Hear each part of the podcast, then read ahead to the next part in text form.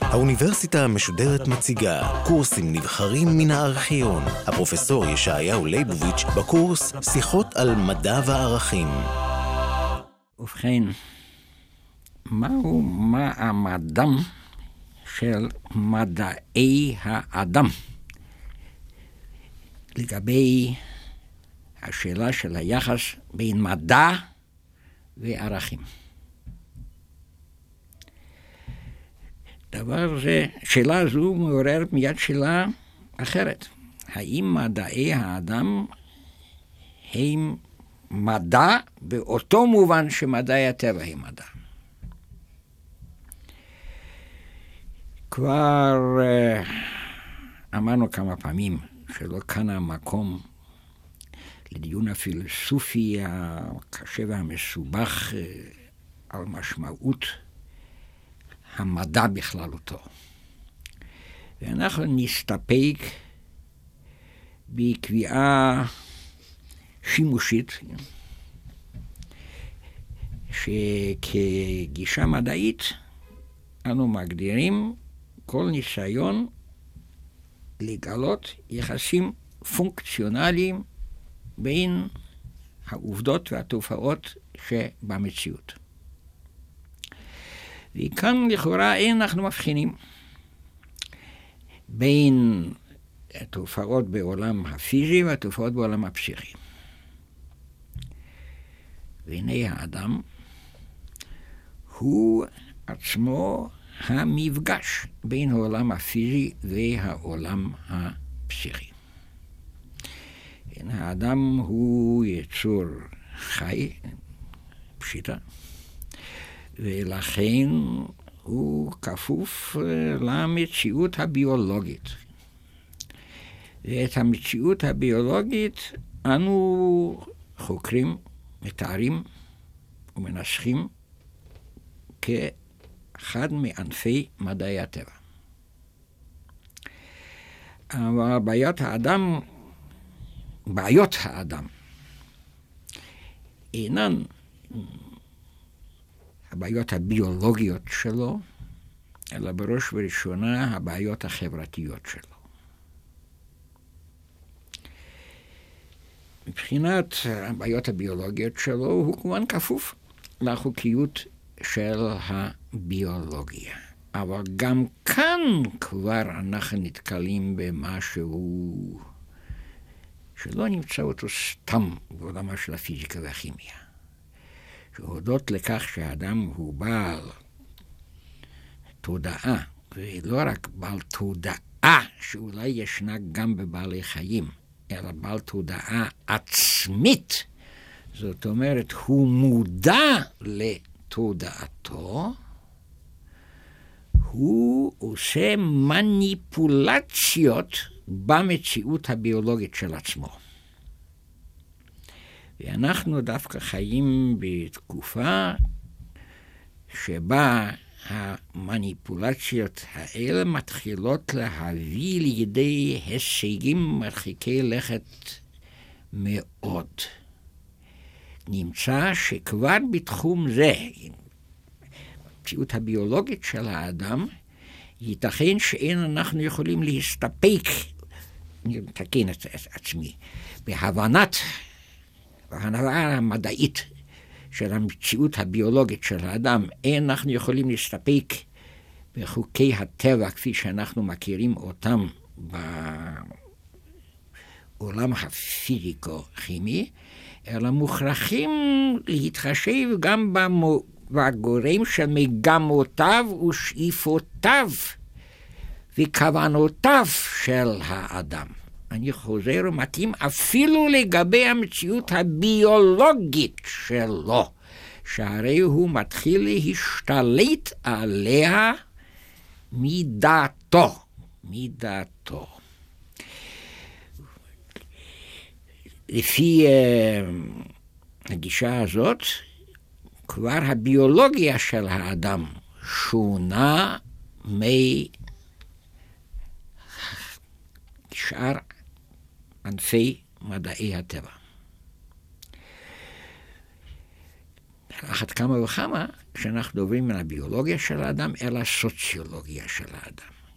העובדה שאדם חי במסגרתה של חברה אנושית, שנבדלת מחברת בעלי חיים, שהם גם כן לפעמים חיים בעדרים, יוצא בזה, היא נבדלת בזה שהחברה הזאת מוקמת מתוך גורמים שהאדם מודע להם. ולכן הוא מסוגל לשנותם. מה שאין כן בחברת בעלי חיים, אשר קיומה נובע מטיבם וטבעם של אותם בעלי חיים. כן, אין אנחנו יכולים לעלות על דעתנו, אין אפילו מושג לכך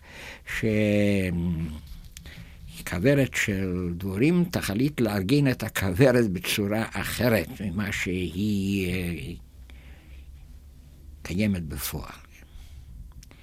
אבל חברה אנושית, בני אדם יכולים לשנות אותה.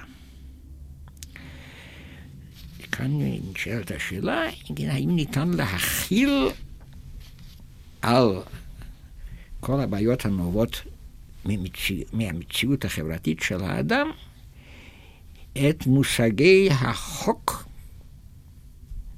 של מדעי הטבע, בכל המובנים שהמושג הזה משמש שמה. ודבר הזה מוטל בספק גדול. אף על פי שהכוונה והשאיפה והמגמה של הסוציולוגים בדורות האחרונים, הרבה דורות, לגלות חוקים במצ... בהיסטוריה, שכל... שבה נכלל העבר והיא גם ההווה. יש לציין שכמובן ההווה שייך להיסטוריה, שהרי בו ברגע שאדם מכיר את ההווה, הוא כבר מכיר דבר שכבר היה. ההכרה היא בהכרח אחרי הדבר. כי אומרים הכרת ההווה, אנחנו גם כן כבר מתייחסים לדבר שהיה. אין הבדל בין העבר וההווה, אלא יש הבדל יסודי בין העבר וההווה ובין העתיד. ובכן, יש שאיפה גדולה לבסס את מדעי האדם, שהם בעצם מדעי החברה, על חוקים באותו מובן שהרי מושתתים מדעי הטבע. ניתן לומר שעד היום לא הצליחו המאמצים האלה. לא הצליחו המאמצים האלה. אם בהיסטוריה של מדעי הטבע הגענו להסקת חוקים מסוימים, אשר נראים לנו תקפים, וניזהר מאוד מאוד בלשוננו כאן. חוקים אשר בכל שלב ושלב מסוים של תולדות המדעים, הם נראים תקפים לכל מי שמבין את המדע באותו רמה שהוא הגיע אליה. לשון אחר, זה לא אמונה כן, בתקיפות מטאפיזית, אלא בתקיפות לגבינו אנו. לגבינו אנו. בכל שלב שאליו מגיעים מדעי הטבע, בתולדותיהם, אנחנו מכירים חוקים שאין אנחנו יכולים שלא לראותם כתקפים על רקע מה שאנחנו יודעים ברגע זה. ודומני, כאן אני מדבר כאדם שאיננו מעורה במדעי האדם, אבל מכיר אותם באותה מידה שנוהגים לומר שאדם משכיל יודע עליהם היום. דומני שבמדעי האדם אין דבר כזה. בכל שלב ושלב בהיסטוריה הקצרה באופן יחסי של הפסיכולוגיה, של הסוציולוגיה וכיוצא בזה, מעולם כן, לא היו הכרות או מסקנות שהיו מקובלות על כל בעלי המקצוע הזה באותו שלב של התפתחות המדעים הם, והדבר הזה תקף גם לגבי דורנו.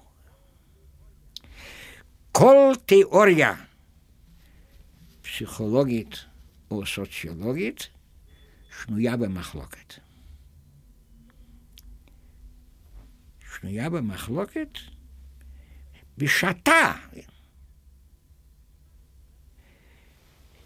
וסיבת הדבר היא שהבעיות, רוב הבעיות של המציאות החברתית של האדם, אינם ניתנים להיתפס בכלים של הניתוח המתמטי. מדובר באיכויות ולא בכמויות. אם נשתמש בטרמינולוגיה מודרנית מאוד מאוד, אי אפשר להזין את המחשב בנתונים המתייחסים להרבה תחומים של הקיום האנושי. שהרי המחשב אינו מבין אלא מה שניתן לפורמליזציה מתמטית. והבעיות הגדולות של האדם, שהן נובעות ממגמות ומדרכי התנהגות של האדם, אינם, אינם ניתנים להיתפס תפיסה קוונטיטטיבית, כמותית. ולכן אנחנו יכולים להשתמש במונח מדעי האדם רק במובן זה שהעיסוק בבעיות האדם משתדל להשתמש בקטגוריית החשיבה של מדעי הטבע עד כמה שהדבר הזה אפשרי. כמה שהדבר הזה אפשרי, ולמעשה, כאדם הבא מעולמם של מדעי הטבע, אני מדבר על עצמי, כשאני מסתכל במדעים האלה, אני מגלה מתודיקה הדומה למדעי הטבע רק בסטטיסטיקות המרובות שבהם משתמשים הסוציולוגים וגם הפסיכולוגים, על כל פנים כיוונים מסוימים בפסיכולוגיה. ודומני שכל הסטטיסטיקות האלה אינן אלא תיאורים של המציאות, ואינם מאפשרים לנו להסיק שום מסקנות על מכניזמים הפועלים במציאות הזאת, משום שאין כלל ודאות אם אמנם מכניזמים הם. זאת אומרת, אם ניתן להעמידם על תפיסה המשתמש, המשתמשת במושג הסיבתיות בלבד, מבלי לערב בזה את מושג התכליתיות. ולכן, במידה שניתן לתת בסיס מדעי למדעי האדם, חל עליהם כל מה שאמרנו על גבי היחס שבין מדעי הטבע וחוקי המוסר. כי אם אנחנו מגלים חוקים במובן המדעי במציאות האנושית, הרי הם כחוקי הטבע, והם דבר אחר לגמרי מאשר צו מוסרי או חוק משפטי או יוצא בזה, ואינני צריך לעזור על כל תוכן שיחתנו האחרונה. במידה שיש במציאות האנושית, בעיקר במציאות האנושית החברתית, דברים שאינם אנלוגיים לחוקי הטבע, ולכן לכאורה כאן אנחנו פטורים מהשיבוד למושג החוק של מדעי הטבע, הרי לא הרווחנו כלום. שהרי כאן עברנו, כבר חרגנו מתחום מדעי הטבע, ואנחנו באמת נמצאים בתחום הערכים.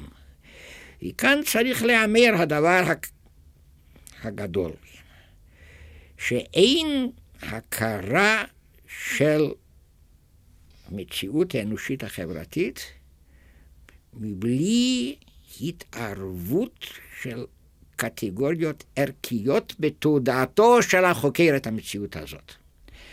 נכון הדבר שאדם שנחשב לאחד מגדולי ההגות הסוציולוגית, יש אומרים לגדול ההגות הסוציולוגית במחצית הראשונה של המאה ה-20, מקס ובר, שם לו למטרה ליצור סוציולוגיה שהיא חופשית מעומס הערכים. סוציולוגיה שתהיה אובייקטיבית באותו מובן שמדעי הטבע הם אובייקטיביים, שבהם אנחנו קובעים, קודם כל קובעים עובדות, ואחר כך משתדלים להבין את הקשרים הפונקציונליים בין העובדות האלה, ללא כל הערכה לגביהם. דעתם של רבים המומחים לדבר הזה, ואני, ההדיוט בתחום הזה מקבל דווקא את דעתם, היא שמקס וייבר לא הצליח במגמה הזאת. משום שמושג הקשרים הפונקציונליים בין המרכיבים הוא מלכתחילה שונה במציאות האנושית מאשר במציאות הטבעית כולה. אין בכלל יחסים פונקציונליים בין בני אדם שאינם מותנים במגמות ושאיפות, או נאמר, שוב במילה אינטרסים שנראית כאילו ניטרלית, והיא איננה ניטרלית. אינטרס כבר מבטא הערכה מסוימת. מכאן המסקנה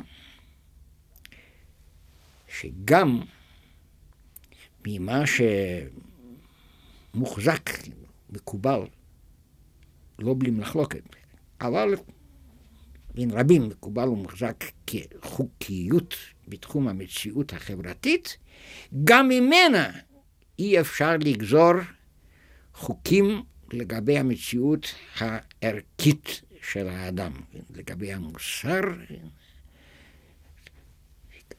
גם לגבי האסתטיקה, לא טוב ורע, ולא נאה ומגונה, אי אפשר לגזור את זה לא מן המציאות הטבעית, ואף לא מן המציאות החברתית של האדם.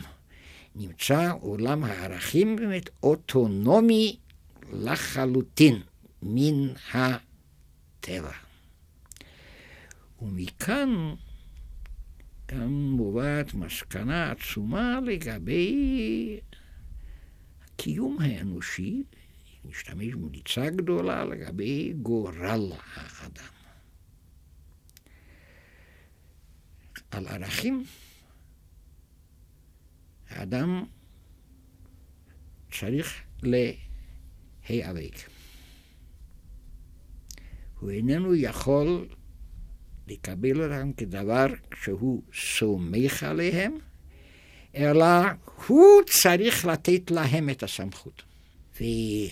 וההוא המדובר כאן איננו האידאה של האדם, אלא זה באמת כל אדם ואדם כשלעצמו.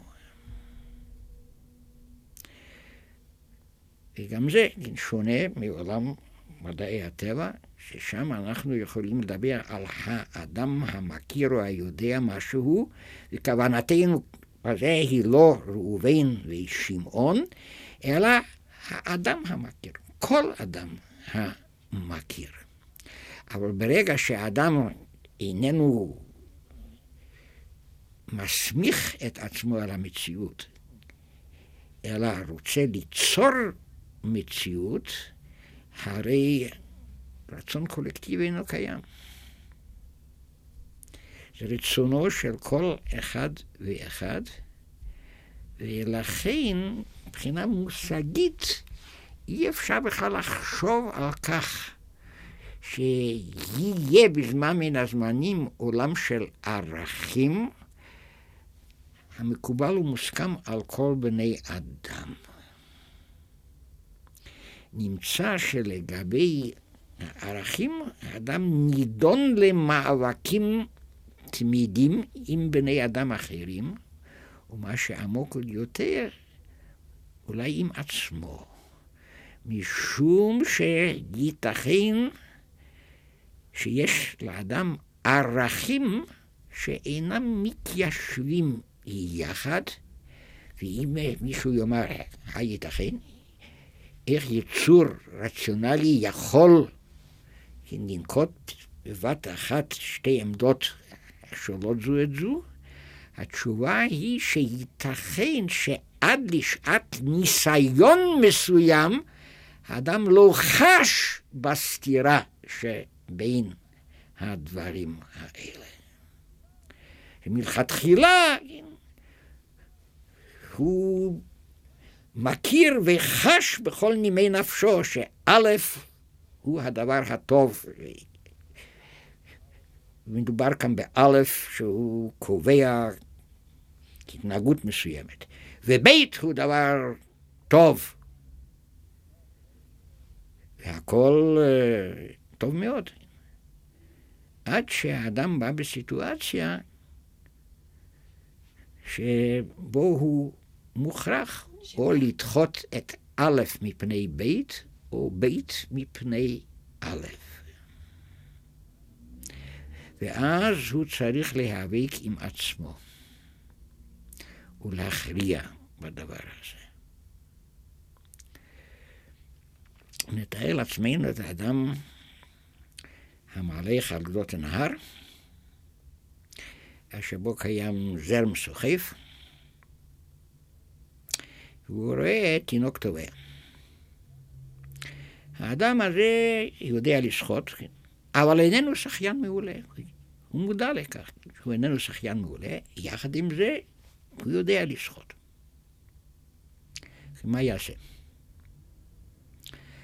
האדם הזה, אמר, הוא אדם חדור ערכים הומניים, חיי אדם בשבילו הם דבר גדול, הצלת חיי אדם אולי, כפי שתמיד היה אומר, המשימה העליונה. כן. כל דבר נדחה מפני החיוב להציל חיי אדם. אבל כאן פתאום עומד בפני השאלה, חיי התינוק או חיי?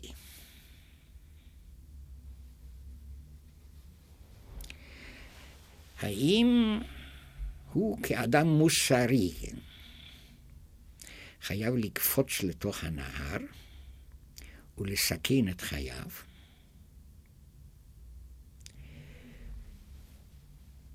או לשמור על חייו ולהפקיר את התינוק. איך הוא יכול להפקיר את התינוק בשעה שהוא יודע שהוא יכול לשחות? זאת אומרת, יש סיכוי שהוא יצליח להציל את התינוק. מצד שני, מאחר שהוא איננו שחיין מעולה, הרי כרוכה בזה הסכנה שהוא יסכן את חייו. ואם נאמר האדם הזה, ואולי יש באמת אנשים כאלה, הוא אלטרואיסט במידה כזאת שבסיטואציה הזאת אין הוא חושב על עצמו כלל, אבל ייתכן שהוא חייב לחשוב על כך שאם אה, הוא נספה בתאונה הזאת, אז אשתו הצעירה תתעלמן ולידיו הקטנים יתייתמו.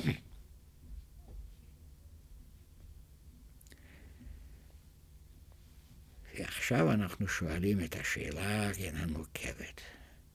אם האדם הזה הוא איש מדע ורגיל בחשיבה המדעית, מה תועיל לו החשיבה המדעית בסיטואציה זו? התשובה היא ברורה מעצמה. השאלה הזאת איננה שאלה מדעית. והנה היא שאלה אקזיסטנציאלית במובן העמוק ביותר של המילה, כן, שאלה קיומית, שאלה של חיים ומוות. וכדאי לחשוב על הסיטואציה הזאת, שאיננה בהכרח מדומה, היא יכולה להיות ריאלית uh, מאוד.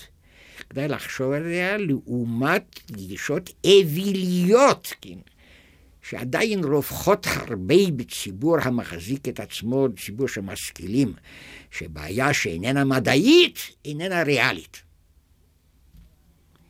אלא היא פיקציה, היא נובעת מאמונות תפלות, מחשיבה שאיננה רציונלית. דווקא הבעיות העמוקות והיסודיות ביותר אינן ניתנות בכלל לחשיבה מדעית. וזה מהותה של החשיבה הערכית, שעליה האדם צריך להחליט. הוא איננו יכול להסיק מסקנות מן העובדות. נמצאנו לא ממדעי הטבע ולא ממדעי האדם. ניתן להסיק מסקנות לגבי ערכים, משום שערכים אינם עניין של מסקנות, אלא עניין של הכרעות.